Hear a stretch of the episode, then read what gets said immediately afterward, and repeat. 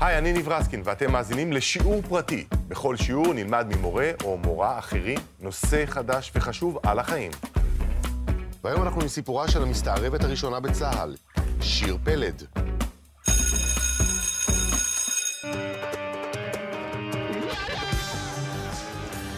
בוקר טוב לכולם, תודה אני ודנה. לפני שמתחילים אני מבקשת מכולם לעצום עיניים רגע. דמיינו את הסיטואציה הבאה. אני נוסעת בטרנזיט לבנה. טרנזיט נוסעת בסמטאות צפופות של כפר ערבי. הנהג שלידי לובש חולצת משבצות ומעשן אה, סיגריות מקומיות עם ריח כבד. ברדיו מתנגנת מוזיקה מקומית. מי שיסתכל עלינו מבחוץ לא יחשוד בשום דבר. אנחנו שני מקומיים, חלק מהנוף המוכר. אבל מבפנים אנחנו דרוכים, מחכים לרגע האמת. אנחנו מקבלים דיווח בקשר, קבלו, יש עיניים על המטרה.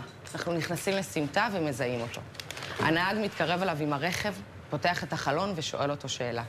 באותה שנייה מזנקים שני לוחמים שישבו מאחורה בטרנזיט ותופסים אותו. הוא לא מפסיק להתנגד.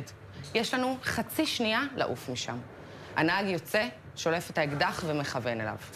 הוא עדיין לא רוצה לבוא איתנו בכזו קלות. אני מסתכלת לכל הכיוונים לראות אם יש מישהו בסמטה או במרפסות מעליי, האקדח כבר ביד שלי. אני יוצאת מהרכב ומכוונת עליו את האקדח. באותו רגע הוא קופא. אנחנו מנצלים את זה, מקפלים אותו לטרנזיט ונעלמים. אז שוב, בוקר טוב לכולם. קוראים לי שיר פלד. הייתי אחת משלושת המסתערבות הראשונות אה, ביחידת המסתערבים של משמר הגבול. מה ששמעתם עכשיו לא היה סצנה מסרט או מסדרת אקשן, אלו היו החיים שלי.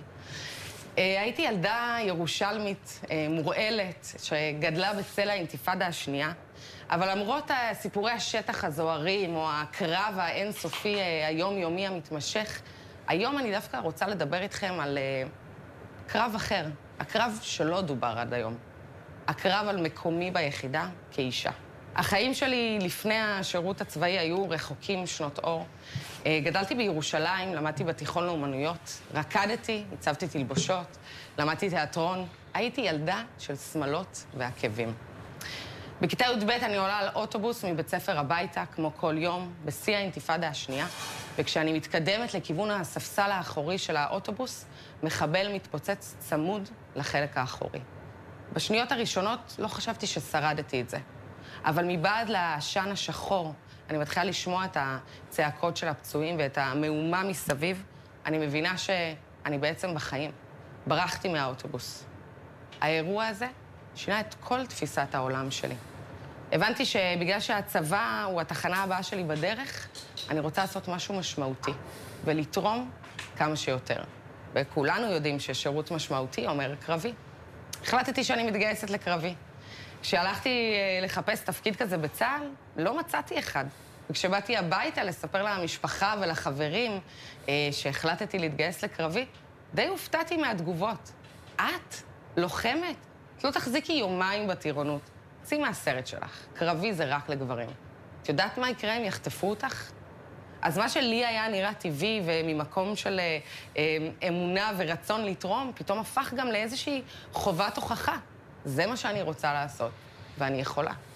שם התחיל בעצם הקרב הפנימי הזה, רק לא ידעתי כמה עמוק הוא יגיע. אה, בסוף מצאתי את משמר הגבול שפתח את השערים שלו בשנת 96 ללוחמות, שנה אחרי בג"ץ אליס מילר, ואני מתנדבת למשמר הגבול. יום הגיוס, אני בבקו"ם, מתרגשת. האימהות של הלוחמים לעתיד לידי בוכות, מתרגשות, מחבקות אותם, ורק המשפחה שלי מסתכלת עליי במבט ספקני של, טוב, נו, עוד יומיים היא תהיה חזרה בבית, אין מה לדאוג. אני עולה לאוטובוס, מתחילה את אה, טירונות מג"ב, מחליפה את העקבים בנעלי צבא, אה, ואת השמלות במדי ב'. ארבעה חודשים אה, לתוך הטירונות מאתרים אותי לפיילוט חדש וניסיוני. נשים מסתערבות. ואחרי כמה ימים של גיבוש ומיונים וראיונות, שלוש מאיתנו עוברות ומתחילות את ההכשרה ליחידה. מאותו יום אני מבודדת מהעולם. שמרו עלינו כסוד, גורם הפתעה. אני מתחילה לעבור אימונים פיזיים אינטנסיביים. ירי באקדח של שעות של אימונים ואין ספור פעמים. קרב מגע, אימוני לוחמה בטרור. אבל החלק הזה עוד היה יחסית אה, נסבל. החלק ההרבה יותר מאתגר היה בעצם החלק המנטלי של איך להיטמע בשטח עוין, איך אה, להיכנס לדמויות. אחד התרגילים שבעצם עזרו לנו להתאמן למצבי האי-ודאות המאוד מאוד גדולים בשטח, להצליח להתמודד עם הפחד, זה או שהוא שולט בי, או שאני שולטת בו. היה תרגילי ביטחון עצמי. יום אחד המדריך שלי עוצר באמצע הרחוב ושולח אותי למשימה. כנסי למאפייה, במשך עשר דקות תעקבי אחרי המדריך השני שנמצא בפנים. תחזרי ותדווחי על הכל. אני נכנסת למאפייה, תופסת לי מקום בתור, ככה בזווית העין מסתכלת על המדריך, כולי שקועה בלעקוב אחר, אחרי התנועות שלו, שפתאום אני שומעת צרחות במאפייה. גנבת! תתפסו אותה! תקראו למשטרה! אני מסובבת את הראש, ואני רואה את המדריך שנתן לי את התרגיל מצביע עליי. הפחד שיתק אותי, התמלאתי זה הכרה. המוח שלי רץ במיליון מחשבות לשנייה. איך אני יוצאת מהסיטואציה הזאת? באיזה פדיחות כולם מסתכלים עליי? אסור לי להיחשף בשום מצב. מרוב שהפחד שיתק אותי, פשוט ברחתי החוצה. כמובן שנכשלתי כישלון נוראי במשימה, כי המדריך שהיה בפנים כבר מזמן יצא החוצה, וממש לא הצלחתי לא לעקוב אחריו, ובעצם לא לחלץ את עצמי בשום צורה מהסיטואציה.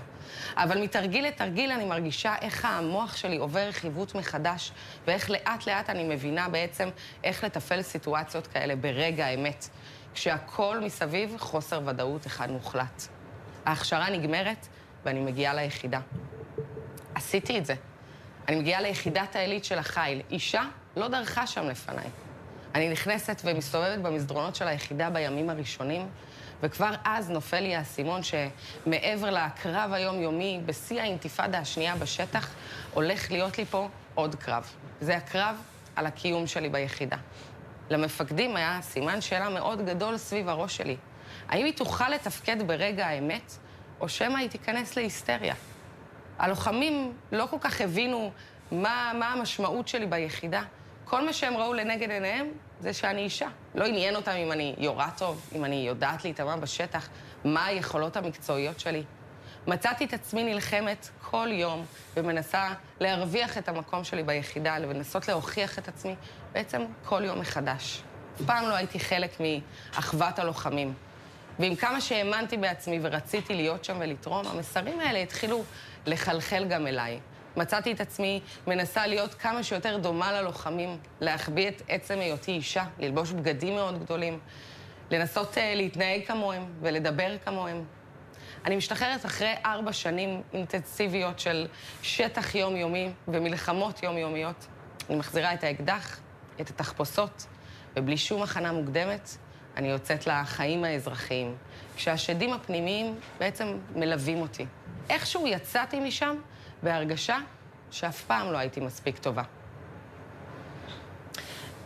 16 אמ, שנה אחר כך, החיים שלי משתנים שוב, כשערב אחד אני פותחת טלוויזיה ורואה את הדמות של רונלי שמעון מפאודה על המסך. חטפתי פלשבקים מטורפים. לרגע הייתי שוב בכפר, הייתי שוב בטרנזיט. שם אני מבינה שאני חייבת לספר את הסיפור שלי. אחרי שנה אני פוגשת את אורן אור ביטון, אמ, שכתב את הספר חבית נפץ. אורן הוא מסתערב לשעבר ופוסט-טראומטי. יחד איתו אני מקימה את קבוצת אחוות לוחמות, כי במשך השנה שהרציתי הגיעו אליי עוד ועוד סיפורים. אני מבינה גם שלשדים הפנימ... הפנימיים שלי יש שם, קוראים לזה פוסט-טראומה. הקמתי את הקבוצה גם כדי לתת במה בטוחה אה, לעוד נשים כמוני, כדי לשתף ולאבד את חוויות השירות, אבל גם כדי להעלות מודעות וליצור פה שינוי חברתי. אני כנראה לא אחזור להיות הילדה עם השמלות והעקבים שהייתי, אבל uh, המטרה שלי היום היא להשמיע את הסיפור שלי לכמה שיותר אנשים, כל דרך שאני יכולה. אני רוצה להאמין שלפרימיירה של הסדרה שלי, אני אולי כן אגיע עם שמאלות ועקבים. תודה רבה. עד כאן השיעור הפרטי של שיר פלד. אתם יכולים למצוא אותנו במאקו, ב-N12 ובכל אפליקציות הפודקאסטים. תודה שהאזנתם.